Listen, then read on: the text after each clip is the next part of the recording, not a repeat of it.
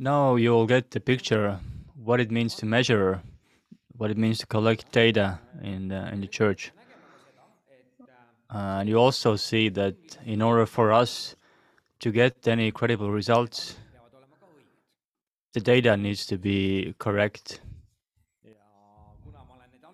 And since I have collected this data myself, then I have trusted the congregations that they have given me correct data. Some churches even enabled me to access digitally their databases. They gave me codes and I was able to see their databases. Some other churches sent me their data, but this is the picture. Let's see some more other uh, some some more numbers. Here is one particular congregation, one Estonian congregation,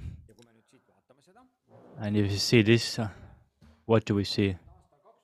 We see that 2003 they had this was the number of their membership, and we see that 2017 this is the number of their membership. And now when we talk about church growth, then we see, okay, they're experiencing growth. And if we calculate, then we see that their growth is exactly 499 people during 14 years. Okay. This table enables us to see the process, how, how you know, how many people have they gained over the years. And this, um, in this particular congregation, they also count how many people they baptize. The second one is baptized people. In addition to baptized people, they also count uh, how many people uh, joined them who have been baptized in other churches, which means that 78 people exactly joined their congregation at that year. And they have done this calculation every year. And here we see 19 people from other churches have joined them. If you want, for example, then you can also consider separately. Okay, 19 people, here 17, here 17 from other churches came to their church. Here 18 from other churches came to their church. Okay, what happened at these years? So we can start looking where these people came from. This is an urban congregation. It's possible that people moved to the city from rural areas so we can start seeing what is behind these numbers, what are the dynamics, what causes certain processes in congregations.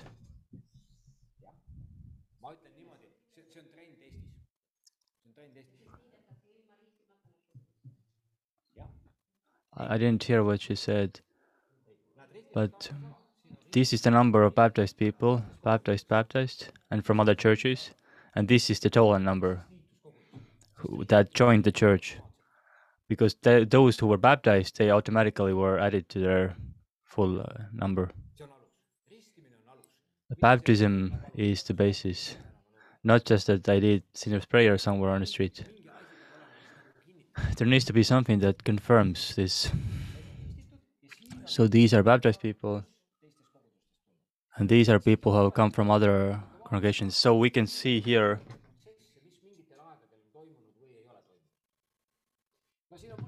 what has happened in different times, and we are actually missing some data from here. But this is how data collection works. But everything here refers to the fact that when we count baptized people or members or attendants, this is the only thing that helps us to analyze the church growth. If we don't have data, then we cannot analyze church growth.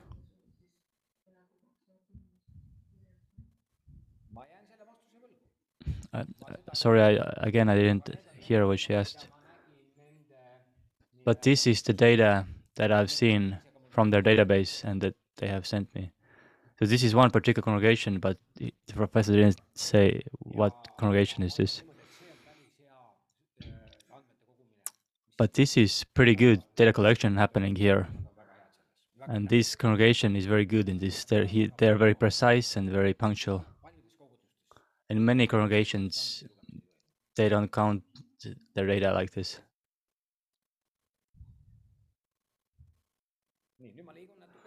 Now I'm gonna go a bit forward. I show you another congregation. This has other numbers. But likewise, the same way, you know, first on the left column, membership, baptized people. This is actually a small countryside congregation. And you see almost 100% it has grown within 14 years. This is noteworthy. Maybe you think, uh, no, what is this? But no, in this context, in their context, this is remarkable. We can see their members 17, 18, 19, 19, 20. We can see here a bigger turn that four people at once one year came and then one by one again, once a year again. So we can see how their membership was grown over the years. Maybe there was a family that was added here, four people. So, and we see that they have experienced stable growth. They have done something that every year this small congregation has gained one person every year. That's good. And in addition, we can see also the second one is number of baptized people. We see that some years they have not baptized anyone, but but also members from other churches have joined them. And here we see that this growth actually was by the fact that three people from other church came to the church. So it wasn't evangelical growth. So if we analyze this data, then we can start seeing certain processes probably none of you has analyzed their congregations like this before, or have you? You have. Uh, she says that she has done it, yeah? as pastor's wife, I guess.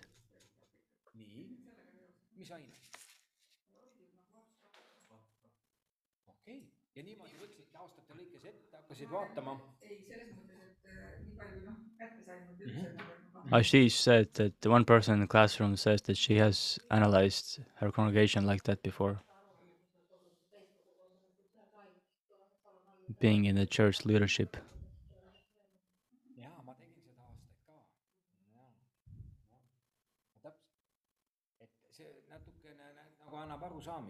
So this gives some understanding what processes are taking place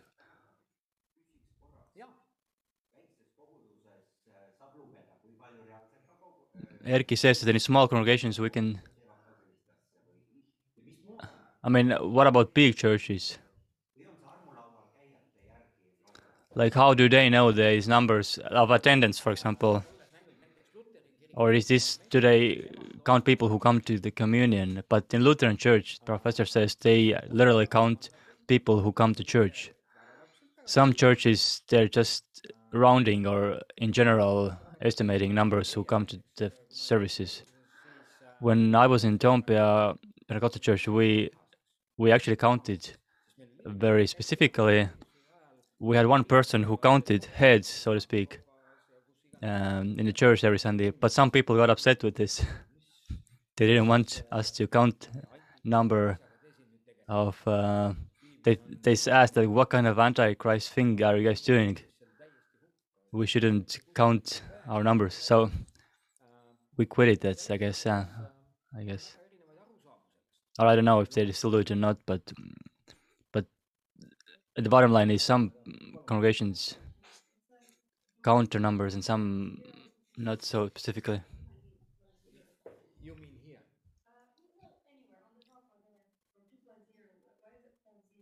Two plus one plus zero. Like when it says one plus zero oh. Uh, he asks, she asks why is it one plus zero? Uh, this means that nobody from other church. Zero means that nobody from other church.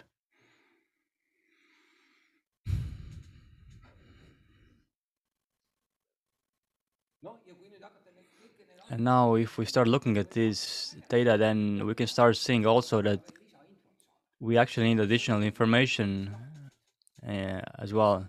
Were there people, for example, who were excluded from church membership? Because if we only count those who were baptized or joined, then, I mean, we may not have the precise results because we also need to see how many people, you know, left the congregation. If data doesn't say how many that somebody left or somebody died, then I wouldn't trust this data. So the question now is we need to decide if we want to deal with church growth, then we need to decide which data are we using as basis. People who are baptized or people who become members or those who, ad, who attend our services. So we need to agree which data we are, um, you know, basing our analysis on. Let's continue now. Here you see Estonian Baptist Union and their congregations, some of their congregations. And let me just show you. They actually have more growing congregations, but this is some of their congregations and what is the difference uh, of their members. And these are growing congregations. It's very uh, remarkable and noteworthy. Is Jõgeva congregation. They had 18 members, and then in 2017 already 39 members. Growth was 105%. That's very good. And if I connected with these congregations, then to my amazement, some of them told me, we have actually never analyzed ourselves like that. We didn't even know that we were growing because this growth happened so naturally and gradually, and we didn't know. It's, it's like your child is growing and you don't even notice it, but other people who don't see them so often, they notice. So if we look at these percentages, then this gives us some information that some of these congregations have grown significantly. But one congregation, only one member in 14 years. But this is still a growth. But as we said, most congregations in Estonia today are decreasing, but these here have been growing. This is reality. And my interest, let me also introduce, uh, later I'll, I'll introduce you my own research, PhD research, but I was studying these congregations and wanted to see what characterizes them. But I'll talk about this uh, in the future. Now let's go to the historic uh, start.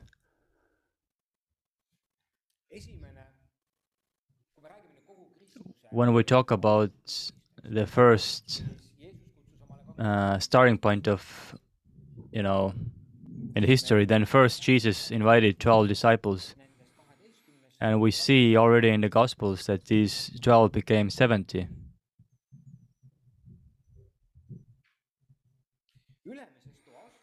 In upper room, on a Pentecostal day morning, even maybe before that, they had 120 disciples together.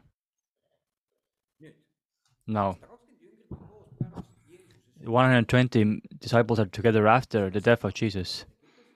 And the confusion that was created, I mean, it says that the number of disciples were increasing despite the confusion that the death of Jesus has create, had created. So these 120 had to be serious people, you know, who were together there in the upper room.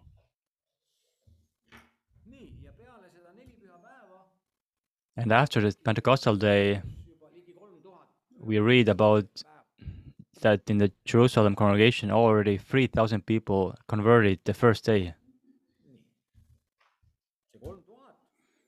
And these 3,000, a few chapters later, we read in Acts that there were 5,000 men in Jerusalem church.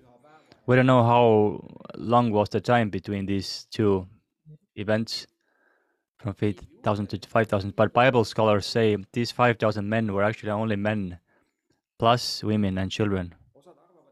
Some people think that this could have been 20,000 altogether. Not sure.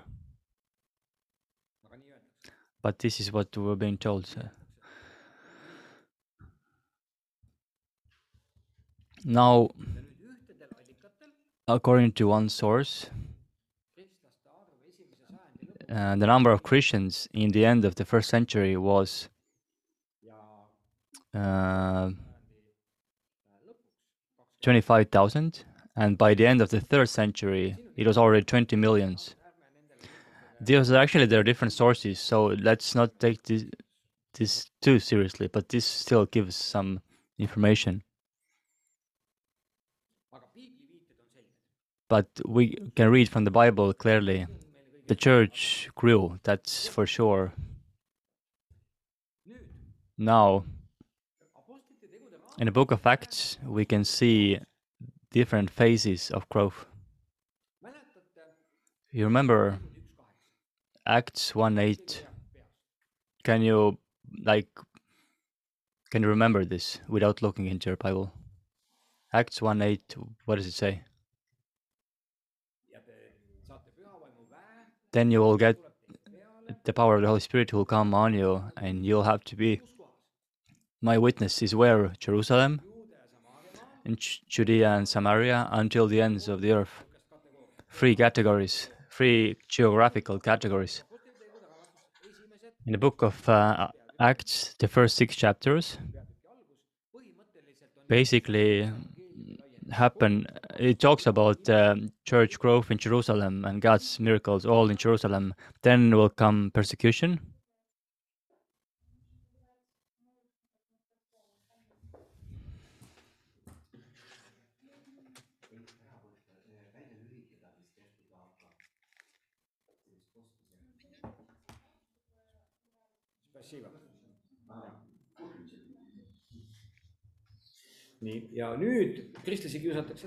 So Christians were persecuted. They go to Samaria and uh, Judea, and they start plant churches there. So there's another phase, second phase of growth.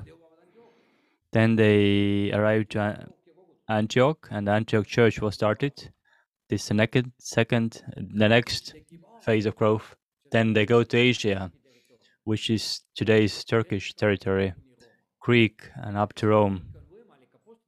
So in the book of Acts, we can see this systematically how Luke like presents this growth.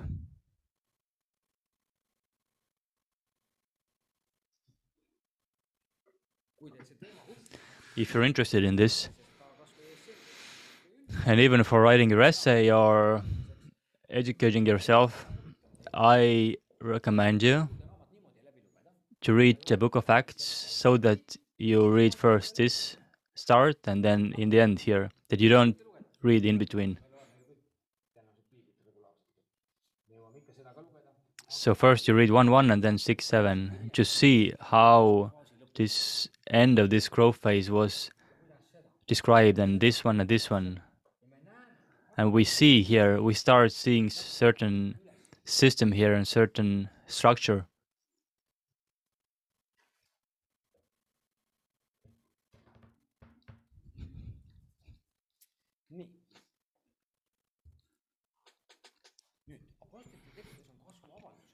Uh, there are certain uh, in the book of acts there are certain uh, expressions about church growth that refer to the growth as a phenomena.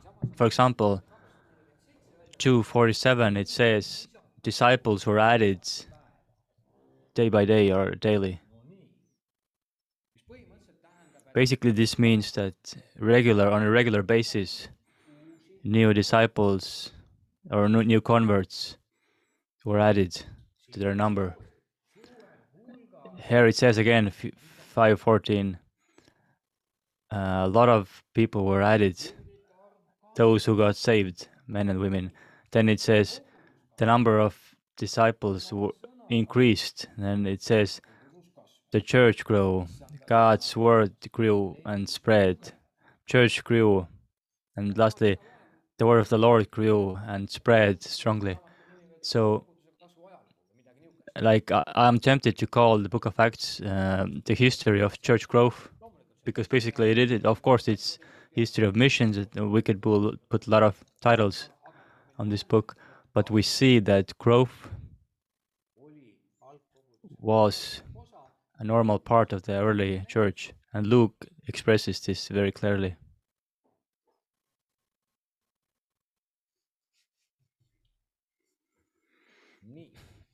Okay..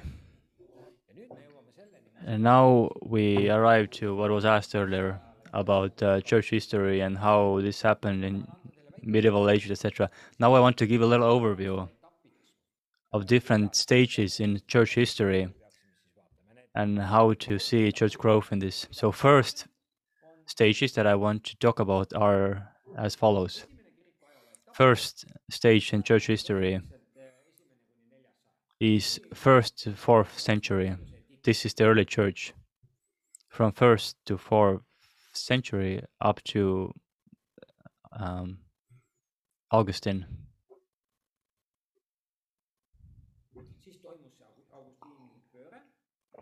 Then was the Augustine turn, and Christianity became the state religion. So this is the fir- uh, the first stage is the first two bullets. Then the second stage is the third one that Christianity was reigning together with political power, and then the last one is post-Christian. This is the history in 20th century, and after that, and we are in this. So let's let's talk about this more. This is actually another presentation of how the number of Christians could have grown in first centuries. I'm not sure. Have you heard about Rod, Rodney Stark? He's an interesting guy. He's written very interesting stuff. He's still writing. One of these great books is The Rise of Christianity. He's actually a social scientist, but he's a Christian. And in this sense, he has studied this and he's giving uh, you know his opinion his view and actually I'm, i question some of his views. For example he says that in year 40 there are only 1000 christians which i question actually this uh, theory. Because we know the church had functioned around seven years by that time and the bible says that already first day 3000 were converted etc and then 5000 so i I question this and uh, this theory. So this is a problem for me in his theory. But then he says by the year 100 there could have been 7,500 Christians. Then 200 and 300 and 300 already 6 millions. And then he says that here happened an important breakthrough. And he says that he's he has different sources why he says this and he says why this explosion explosive growth happened here in this place is because around year 250 they started building first buildings which we understand as churches today. So they started building um, public gathering places for christians. Until that time christianity only spread or grew in home churches or home groups. But here churches came around and he says that a lot of archaeology refers to the fact that then it was then when they started building churches and that then Christianity exploded in a good sense because it uh, went into the society. So he says that building churches caused this explosion in the growth of Christianity. And he says after that, after Constantine established, you know, Christian church as a state church. Then after that, Christianity grew even more, five times the next 50 years, which is understandable, because the only way to, you know, to be part of the normal part of the society was to be part of the church. So and then here, many people were became formal Christians, maybe not so much by their hearts. But anyways, if you study this topic, then you can find these sources as well. And the question is how we interpret this together with the Bible, etc. I'm not sure exactly today, but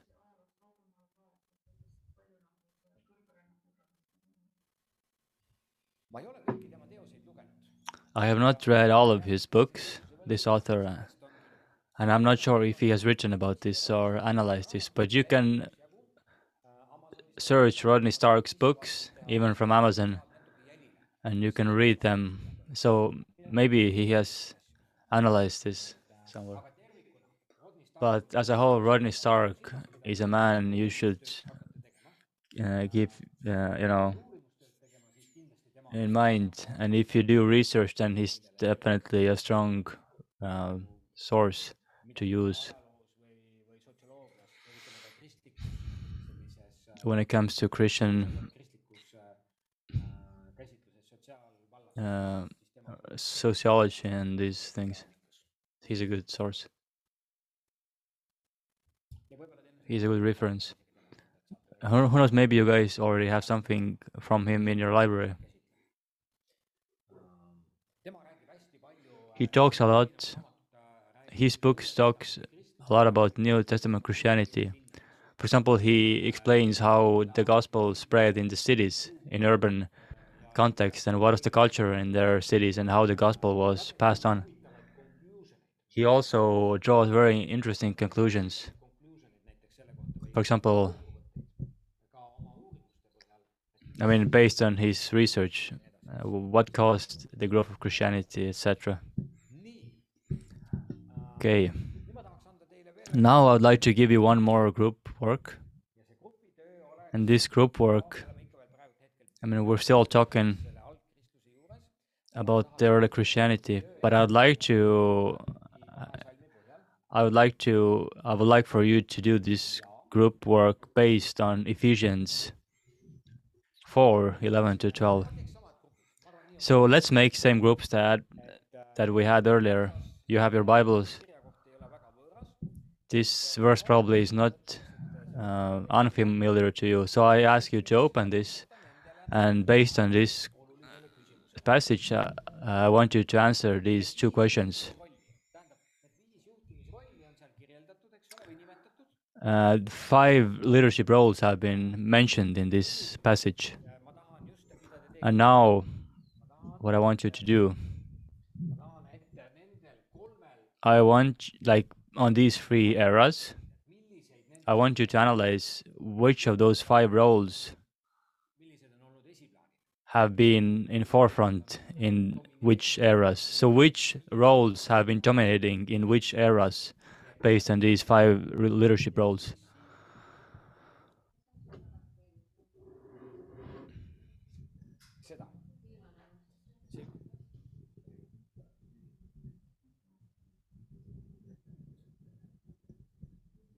So these are the three eras that we talked about. So the middle one is the medieval age, like roughly speaking. Christianity reigned with the political power. But before we finish today, then also I'll show you later. Um, we'll talk about these three phases. But anyways, right now I'll give you seven minutes. Now the first question is, in which eras, which leadership roles have been considered most important and why? And the second question, which leadership roles in the congregation are of key importance in contemporary post-secular society? Second question, which of these leadership roles are of key importance in today's post-secular society?